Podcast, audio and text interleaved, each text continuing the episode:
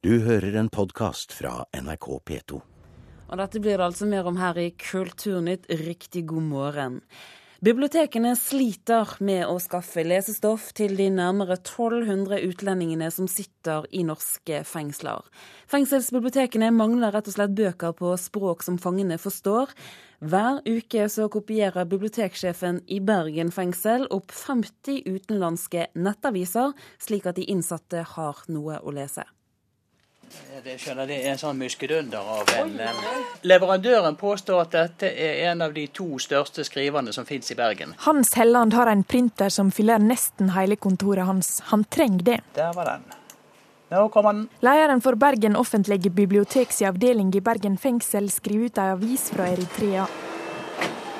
En av flere titalls utenlandske nettaviser han printer ut i veka. Ja, 50-60 stykker. Det kan variere litt. Det er fordi bibliotekaren vil at de innsatte skal ha mulighet til å lese på morsmålet sitt, og det blir snakka mange språk blant de om lag 200 innsatte i Bergen fengsel. Godt over halvparten, så vidt jeg husker de siste tallene, er ikke norsk av opprinnelse. Dvs. Si at de snakker andre språk enn norsk. Tall fra kriminalomsorga viser at det i 2011 var gjennomsnittlig 1178 utenlandske innsatte i norske fengsel. For fengselsbibliotekene har det blitt en utfordring å skaffe lesestoff til disse. Det forteller seniorrådgiver ved Nasjonalbiblioteket Erlend Ra. Si at det kommer en innsatt med en eh, språk språkbakgrunn som ikke er vanlig til et norsk fengsel, så er det ikke sikkert at det fins materiale på vedkommendes språk. Eritrea, Estland, Filippinene, Ghana. Og mange flere. Lista over språka som blir snakka i Bergen fengsel er lang. Noen kan bare sitt eget språk. Jeg har hørt betjent der si de må bruke fingerspråk for å fortelle den innsatte forskjellen på kniv og gaffel, og hvilken skuff han finner kniv og hvilken skuff han finner gaffel i.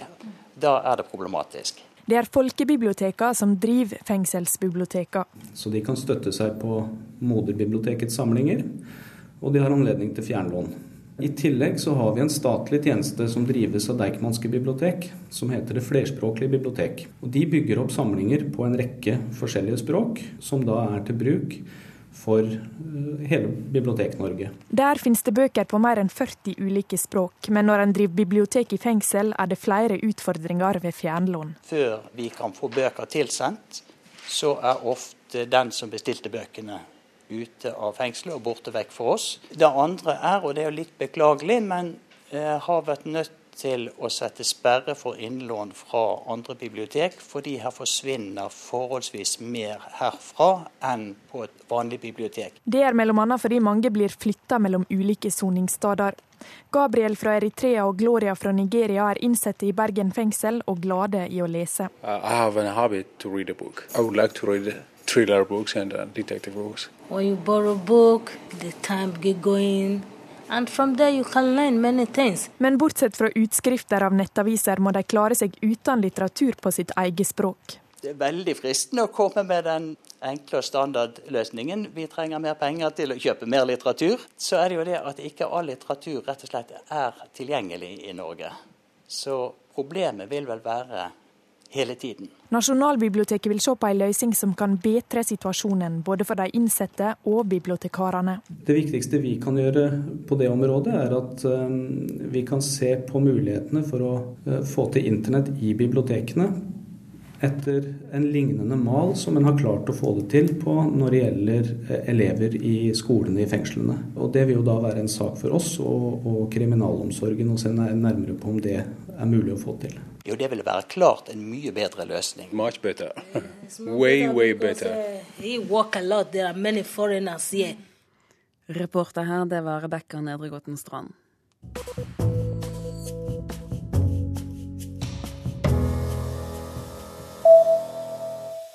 Over 26 000 saudi-arabere krever dødsstraff for journalisten Hamza Kaskari, som for snart to uker siden publiserte en fiktiv samtale med profeten Mohammed på Twitter. Kaskari tvitret bl.a. at han ikke ville be for Mohammed, og at han hatet visse sider ved profeten. Ifølge den tyske avisen Der Spiegel så risikerer han nå dødsstraff for blasfemi. Han får ingen synlig støtte fra sine landsmenn på nettet. NRK sin Melodi Grand Prix-dekning gir et ukritisk bilde av Aserbajdsjan. Det sier Aserbajdsjan-eksperter til Dagsavisen. Regimet i Aserbajdsjan er omdiskutert, bl.a. for brudd på menneskerettighetene. Kritikken kommer etter lørdagens eh, Melodi Grand Prix-finale, der NRK viste et reisebrev fra landet med programleder Per Sundnes. NRKs prosjektleder Stian Malme tilbakeviser kritikken og sier at de ikke går i noen andres tjeneste, og at de heller ikke har prøvd å skjule noe. Russland strammer inn mot den uavhengige radiostasjonen Moskvas Ekko etter at radiostasjonen har formidlet protester mot valgfusk og nyheter om politisk uro de siste par månedene. Eieren, det statlige energiselskapet Gazprom, har nå gjort endringer i radiostasjonens styre. President Vladimir Putin skal ha mislikt radiostasjonens kritikk, det skriver Aftenposten, men det er ikke klart om det er Putin som har beordret endringene. Gallakjoler i 50-tallsstil, en knall gul sydvest og ikke minst kroningsvognen fra 1906. Dette er noe av det som utgjør utstillingen Den kongelige reisen. Utstillingen er en gave til kong Harald og dronning Sonjas 75-årsdag. Den åpner offisielt på Kunstindustrimuseet i Oslo i dag. Men allerede i går så fikk kongeparet selv se, og de lot seg begeistre. Det ville glede oss meget om utstillingene som nå vises i ulike landsdeler dette året og i 2013, vil gi mersmak. Tusen takk for gaven. Med oss nå Mona Palle Bjerke, du er kunstkritiker her i Kulturnytt. Hva tror du gir disse utstillingene mersmak? De vil i hvert fall ha en, en, bred folkelig appell, det er jeg sikker på.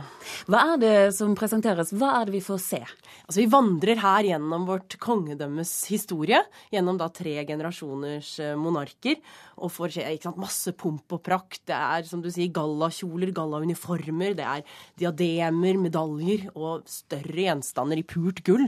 Så det er jo mye glitter og stas, da. I tillegg så er det flotte fotografier, og også en del til dels velkjente filmsnutter. blant ankomsten da, til Kristiania i 1905, der blivende kong Haakon og dronning Maud kommer med eh, lille, sin lille sønn i havnen i Kristiania. Eh, så det er jo, det er jo en, et uh, filmsnutt som mange har et uh, forhold til. Men det er ikke bare disse historiske hendelsene som aksentueres. Det er også mer sånne egenarter ved de kongelige, sånn som at dronning Maud alltid reiste med 50 kofferter. Dette er illustrert da med et koffertberg i utstillingen. Er det noen spesielle objekter eller ting du har lyst til å trekke frem? Jeg må jo nevne denne kroningsvognen, da, som er eh, ganske praktfull. Den eh, ble jo bestilt i 1905 og er preget av tidens jugendstil, med disse buktende, elegante blomster- eller planteformene. Den er jo da spent for med hestefigurer i full størrelse, og også med livrekledde vogntjenere og kusk, som da dukker, som skal levendegjøre bildet av hvordan denne vognen fremsto da, da den f.eks. brakte Håkon og Maud til til kroningen 1906. Eh, men det er jo veldig mye her, da. Det er drakthistorie, ikke sant. Men jeg liker slutten. Det er eh, slutter med det stort fotografi av vår nåværende, brokete og relativt ukonvensjonelle kongefamilie, som gir et ganske sånn levende, dynamisk inntrykk mot det litt stivnete som selve institusjonen da representerer. Men Hva synes du da, når du har gått rundt og sett og vandret? Altså man må jo si det, Jeg begeistres jo over gjenstandene, det må jeg si. Og det er jo et eventyr for en som er opptatt av formgivning, å gå gjennom denne utstillingen. Men det er klart, som museumsutstilling så er det noe som skurrer litt. Og det handler jo om at museet det er jo et rom for refleksjon, for kritikk, for nye perspektiver. Og dette er ikke den type utstilling. Dette er ikke en polemiserende, problematiserende utstilling. Den tvert imot Ingenting i det hele tatt? Nei, den presenterer den gode, gamle, romantiserende fortellingen om vår stolte nasjon og om kongefamilien. Så dette er jo på en måte grunnmyten om det moderne Norge da, i sin mest tradisjonelle form. Men det ligger jo i sakens natur, for dette er jo tross alt en gave til kongeparet. Og det er jo ikke da du begynner å problematisere statsformen, f.eks. Eh, så dette og den er finansiert av regjeringen. Så det er jo staten som hyller seg selv, da. Det er regjeringen som hyller kongen og Norge. Og det er, later man jo ikke som noe annet heller, så kanskje er det greit. Men det viser jo med all mulig tydelighet hvor sårt vi trenger et slottsmuseum, som ville vært en mye bedre ramme for en utstilling eh, som dette. Hvorfor det? Jo, fordi at det ville vært det rette forum, ikke sant? mens Nasjonalmuseet skal jo være mye mer et kritisk, åpent, problematiserende forum. Og det blir det ikke her, for dette er et, et veldig satt mandat. Et ganske begrenset mandat. Så hva tror du, Vi begynte jo å spørre om dette kommer til å gi mersmak, men tror du folket kommer til å la seg begeistre? Ja, det tror jeg, og jeg lar meg også begeistre. Så, så, det er en begeistrende utstilling for de, men man må skille mellom hvor begeistrende disse gjenstandene er, og hvordan det fungerer som museumsutstilling. Mona Pale Bjerke, kunstkritiker her i NRK, takk for at du kom til Kulturnytt. For TV-stasjoner i Kina får ikke lenger lov å sende utenlandske program i såkalt primetime. Myndighetene har bestemt at det kun skal sendes kinesisk TV-produksjon i den beste sendetiden. TV-stasjonene får heller ikke bruke mer enn 25% av total sendetid på filmer og dramaserier som er hentet fra utlandet. Vi skal til vår Asia-korrespondent Anders Magnus. Anders, hva er bakgrunnen for at myndighetene gjør dette? De vil ha mer kontroll over hva som vises, og så vil de ha mindre underholdning på TV. De vil ha et mer moralistisk og et mer sosialistisk eh, TV, som de sier. Og samtidig så vil de skape bedre konkurranseforhold for eh, hjemlige produksjoner. Mest rammet er jo sendinger nå fra Hongkong, Taiwan og Sør-Korea, for det er nesten ingen vestlige eh, programmer av denne type i kinesisk fjernsyn. Men eh, det kan nok føre til mindre TV-titting. For på nettet kan man fortsatt eh, se hva man vil av TV-show, også her fra USA og Europa. Eh, men vi venter nok at myndighetene vil komme med innstramminger også på nettet. De jobber nå for tiden iherdig med et mer sofistikert system for å sensurere internettet. Gjelder dette påbudet de private TV-kanalene også? Det er ikke så mye privat TV i Kina. Det er noen få eh, private kanaler med base i Hongkong som får lov til å sende i Kina, men i Kina selv er det ingen private TV-stasjoner. Der er alle kanaler eiet og kontrollert av myndighetene, og det betyr i praksis kommunistpartiet. Men det er forskjeller likevel, for du har eh, på den ene siden statlige CCTV med 15-16 kanaler som får konkurranse fra provinsenes TV-stasjoner som sender på satellitt, og de når også hele Kina. Og noen av disse satellitt-TV-stasjonene er veldig populære nettopp fordi de har laget uh, underholdningsprogram som alle kinesere gjerne vil se. Og det er, uh, Disse satellittstasjonene får uh, ikke noe særlig penger i støtte fra myndighetene, så det er mye konkurranse om reklamekronene. Og nå vil altså sentralmyndighetene at det skal bli lettere for den statlig drevne kringkasteren CCTV å få slike reklamepenger på bekostning av provinsenes eh, reklamestasjoner. Nei, ja. TV-stasjoner. Anders Magnus, bli med oss litt til. Vi skal bare høre et lite eksempel fra et eh, kinesisk egenprodusert underholdningsprogram. 二十四年了，不知道你还记不记得我这个儿子？ 当我二十四年里每时每刻不再想你，当我看到别的小朋友扎进母亲的怀里的时候。Altså, Kinesiske TV-stasjoner har tidligere også strammet inn på visning av egenproduserte ting, bl.a. dette vi gjør her. Dette er et datingprogram. Hvis du er den ene. Anders Magnus, hva slags program er det, og ikke minst, hva skjedde med det? Det er et uh, program som uh, var veldig uh, skarpt i kantene. Her tillot man folk å være litt komme med litt bemerkninger som ellers ikke er så vanlig på TV her i Kina. Man snakket om sex, man snakket om problematiske ting som ettbarnspolitikk, bo sammen før ekteskap, og også ungdommens voldsomme jag etter velstand, som kanskje er det aller mest karakteristiske ved Kinas ungdom for tiden. Eh, men dette ble for mye for eh, Kinas sensurmyndigheter. Et, et, eh, sitat som har gått over hele Kina i fjor, det var fra dette datingprogrammet hvor en jente ble avvist, eller hun avviste en mannlig frier. Han inviterte henne nemlig på en sykkeltur, for han hadde ikke noe bil, sånn som de fleste kinesiske jenter mener at en mann bør eie. Og da var svaret til han 'Jeg gråter heller i en BMW enn å le sammen med deg på et sykkelsete'. Og det er jo et uh, sitat som uh, karakteriserer tidsånden i Kina veldig, veldig sterkt. Var det et populært program? Kjempepopulært. Uh, de hadde vel 50 millioner seere i sine velmaktsdager. Men for å unngå å bli fjernet helt, så har de nå bedrevet sterk selvsensur. De har innført en tredje programleder som er ansatt i den lokale partiskolen som passer på at det ikke ble sagt stygge ord. Og de har også økt alderen på deltakerne, sånn at de skal snakke mer om ekteskap og mindre om hvor mye penger de eier og, og sånne ting. Og, og, så har de en sensur, selvsensurering av programmet. Det må gjennom seks forskjellige sensurinstanser internt på TV-kanalen før det slippes på luften. Anders Magnus, helt, helt kort til slutt. Det er snakk om mange reguleringer i Kina nå. Hva er det myndighetene ønsker å oppnå? De vil ha strengere kontroll med hva folk tenker på. Det er eh, tankesensur, og eh, det er en, eh, en, innstramming på alle måter som ikke bare gjelder TV, men også Internett, og også overfor de som skriver kritisk mot kommunistpartiet. Så dette her er en, en generell trend i den voldsomme tilbakegangen i frihet og på alle måter som skjer i Kina om dagen. Anders Magnus, takk for at du var med oss her i Kulturnytt.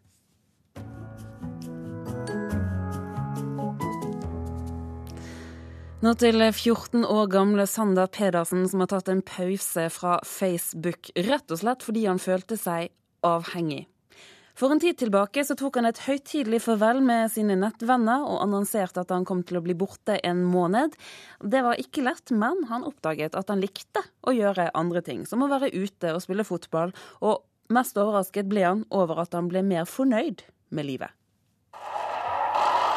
Facebook og krigsspill på data var en stor del av hverdagen til Sander Pedersen. 14-åringen fra Kvæfjord i Troms begynte å bli bekymra for hvordan han brukte tida si. Han bestemte seg for å teste om han var avhengig av data, og slutta med all elektronisk kommunikasjon og spill i seks uker. Det gir et kick som man vent seg til å leve med og få det hver dag. Så er det, litt, det er på en måte litt vanskelig å gå bort ifra det. Du, det føles ut som det mangler noe i hverdagen. Hva skjedde når du eh, forsvant fra Facebook? Jeg følte at jeg på en måte ble litt utenfor den venneflokken jeg hadde vært så lenge. Jeg følte meg rett og slett litt utafor. Etterpå så har jeg begynt å få ut eh, vennene mine mye mer. Lyden av føtter som er ute og går. Hva i all verden er det som er så spesielt med det? Når det er en 14-åring i Norge i dag, er det faktisk sjeldent og ikke så rent lite oppsiktsvekkende. For ungdommer er nesten ikke ute mer. De spiller spill og snakker med hverandre via Facebook og Skype, og sitter inne på rommene sine. Ja, det, er vel, det er vel kanskje én en person i hele klassen på 23-24 som ikke er på Facebook, og det sier jo litt. Sander fikk mange ulike reaksjoner da han annonserte at han skulle være borte fra Facebook en måned. Kameraten Andreas ble med, og begge sier nå at de kommer til å gjøre det en gang til, hvis de mister kontrollen igjen. Hvis jeg begynner å starte igjen med å sitte syv-åtte timer om dagen, så kommer jeg til å gjøre det. Om så bare fem, så kommer jeg til å gjøre det. Ja, samme her. Det... For datamaskin og alt sånt er teknisk sett en dop, for du blir avhengig av det. Og da må du bare kutte det ut. Og... Både Andreas og Sander bruker nå mer tid med familien sin. Det er mor Kjersti Pedersen veldig glad for. Jeg har jo sittet mye mer ute i stua. Det har jo ikke vært mye mørklagte rom og, bam, bam, bam, bang ut av Du hører bare spillene i. Plutselig var det spennende å sitte ute på lørdagskvelden her og se på TV med oss. Ikke bare ut og spise og så inn igjen. Når man ikke er på Facebook, da får man altså tid til andre ting, som å spille gitar. Ja. Um, jeg, har en, jeg har en bestevenn, eller en eller flere venner faktisk, som, eh, som spiller gitar. Og um, jeg har vært sammen med dem, da. Og det syns jeg var veldig koselig, egentlig. For jeg var på en måte sløra av den spillinga uansett hvor jeg var. For uh, det var nesten så jeg satt, uansett om jeg satt ute i stua og snakka med de andre, så var det nesten som om jeg var med i et spill. Det har forandra seg nå, og jeg kjenner at det er nesten som om jeg Nå føler jeg meg mye mer i denne verden. Det er en veldig snål følelse. Psykolog Cecilie Skau Andreassen forsker på Facebook-avhengighet ved Universitetet i Bergen. Hun sier at det blant de 2,5 millionene som er pålaga Facebook i Norge, kan være så mange som 75 000 som er avhengig. Det blir det viktigste i livet, og dermed så går det på bekostning av andre sosiale relasjoner og andre aktiviteter som man gjerne brydde seg om og hadde en glede i forhold til tidligere. Og at han da opplever at han henter tilbake de gledene. og og får et litt annet perspektiv på ting, så overrasker ikke det meg at det da blir større plass til andre ting. Reporter her, det var Veronica Melo. En av verdens best kjente prinser har blitt kjønnsnøytral, og er nå klar for teaterscenen i Tromsø. Det er Hamlet som har blitt androgyn. Skuespiller Frank Kjosås spiller hovedrollen, og ved å bryte normene for mannsidealet slik, så håper Hålogaland teater å provosere. Jeg syns jo at vi har sett så mange Hamleter som, der de går rundt og står store, muskuløse menn og har uh, angst, liksom. Følte at det var litt uinteressant. Pluss at det er viktig at uh, unge av i dag på en måte kan uh, identifisere seg med denne type Hamlet. at det kunne ha vært dem. Så god en konge og så snill mot mor mi at ikke engang vinnerne fra himmelen fikk lov å ta for hardt i henne. Nina Wester er regissøren som har gitt verdens mest berømte prins et litt mer kvinnelig uttrykk enn vi har vært vant til å se hos han. For å utfordre mannsidealet slik hun ønsker, henta hun skuespilleren Frank Kjosås til Tromsø. Frank er jo en, for det første en utrolig bra skuespiller på alle mulige måter. I tillegg så har jo han et androgynt utseende liksom, som har, gjør at han er en slags blanding av kvinnelig og mannlig. Eh, som jeg syns var interessant i denne Hamleten her. Så opplever jeg at Hamlet og Frank er litt i slekt. De har på en måte samme type driv, på et eller annet vis, eh, som jeg syns er spennende. Og Frank er en utrolig lekfull skuespiller, så han har fått helt frie tøyler. Det er en enorm glede, det er en gave å få lov å gjøre eh, Shakespeare, og kanskje da spesielt Hamlet, som er ja, den, kanskje den mest sagnomsuste Shakespeare-rollen som, som fins. Alle kjenner til det, alle har lyst til å gjøre det. Alle aldre, alle kjønn har lyst til å gjøre Hamlet. To be or not to be, that is the question. Tragedien er den klassiske. Teksten er tro mot det som ble skrevet for over 400 år siden. Bare oversettelsen til Ragnar Olsen er ny. Hva er svigersøster som arver dette riket? Da vil bli, hun ble min krone. Det er gjennom prinsen sjøl og samfunnet han speiler at kjønnsrollene utfordres. Jeg tror nok da at uh, måten Nina tenker på, at man uh, kan gjennom å ha et, uh, en androgyn skuespiller, så kan man lettere vri skuespilleren og rollen inn, i, inn og ut av det som man kaller for feminine og maskuline verdier. og dette Danmark-samfunnet som vi spiller i, jo, består jo av av, av eh, veldig sterke maskuline verdier og veldig sterke kvinnelige verdier. Og Hamlet er et sted midt imellom. Så det er en, på en måte en konkretisering av uh, hans maktesløshet på en måte i en, ja, en stor sammenheng. Regissør Nina Wester er den som i 2013 overtar sjefsjobben på Hålogaland teater. Hun har tidligere bl.a. laga teater basert på Maria Amelie-saken, men lørdag er hun premiereklar med Shakespeares danske prins. Min Hamlet han er en revolusjonær anarkist som langt fra er deprimert og handlingslamma. Han handler derimot ganske kraftig, og forsøker ganske sterke middel for å gjøre opprør mot Danmark. Så på den måten så er han jo en eh, litt annen driv i denne Hamlet, tror jeg, enn det man har sett før. Det er eh, premiere til helgen. Reporter, det var Hege Renn Hansen. I Ecuador så er tre av lederne i avisen El Universal dømt til tre års fengsel for å ha anklaget presidenten for forbrytelser mot menneskeheten. Anklagene ble trykket i en artikkel i fjor, noe som fikk president Rafael Correa til å saksøke avisen. Saken blir sett som en viktig prøvestein for pressefrihet i Ecuador, det melder nyhetsbyrået AFP. Salget av ukebladet Se og Hør har falt med nesten 16% de siste to årene, etter det Dagens Næringsliv erfarer. Fjorårets opplagstall for norske aviser og ukeblader de blir lagt frem litt senere i dag. Og før jul ble det kjent at alle medier som eier Se og Hør, må spare mellom 60 og 70 millioner kroner. Og her i P2 så fortsetter nå Nyhetsmorgen, men Kulturnytt deler er over. Pernille Andedal har hatt ansvaret for sendingen i dag. Hanne Lunås har styrt teknikken. Her i studio, Turi Grønbekk. Du har hørt en podkast fra NRK P2.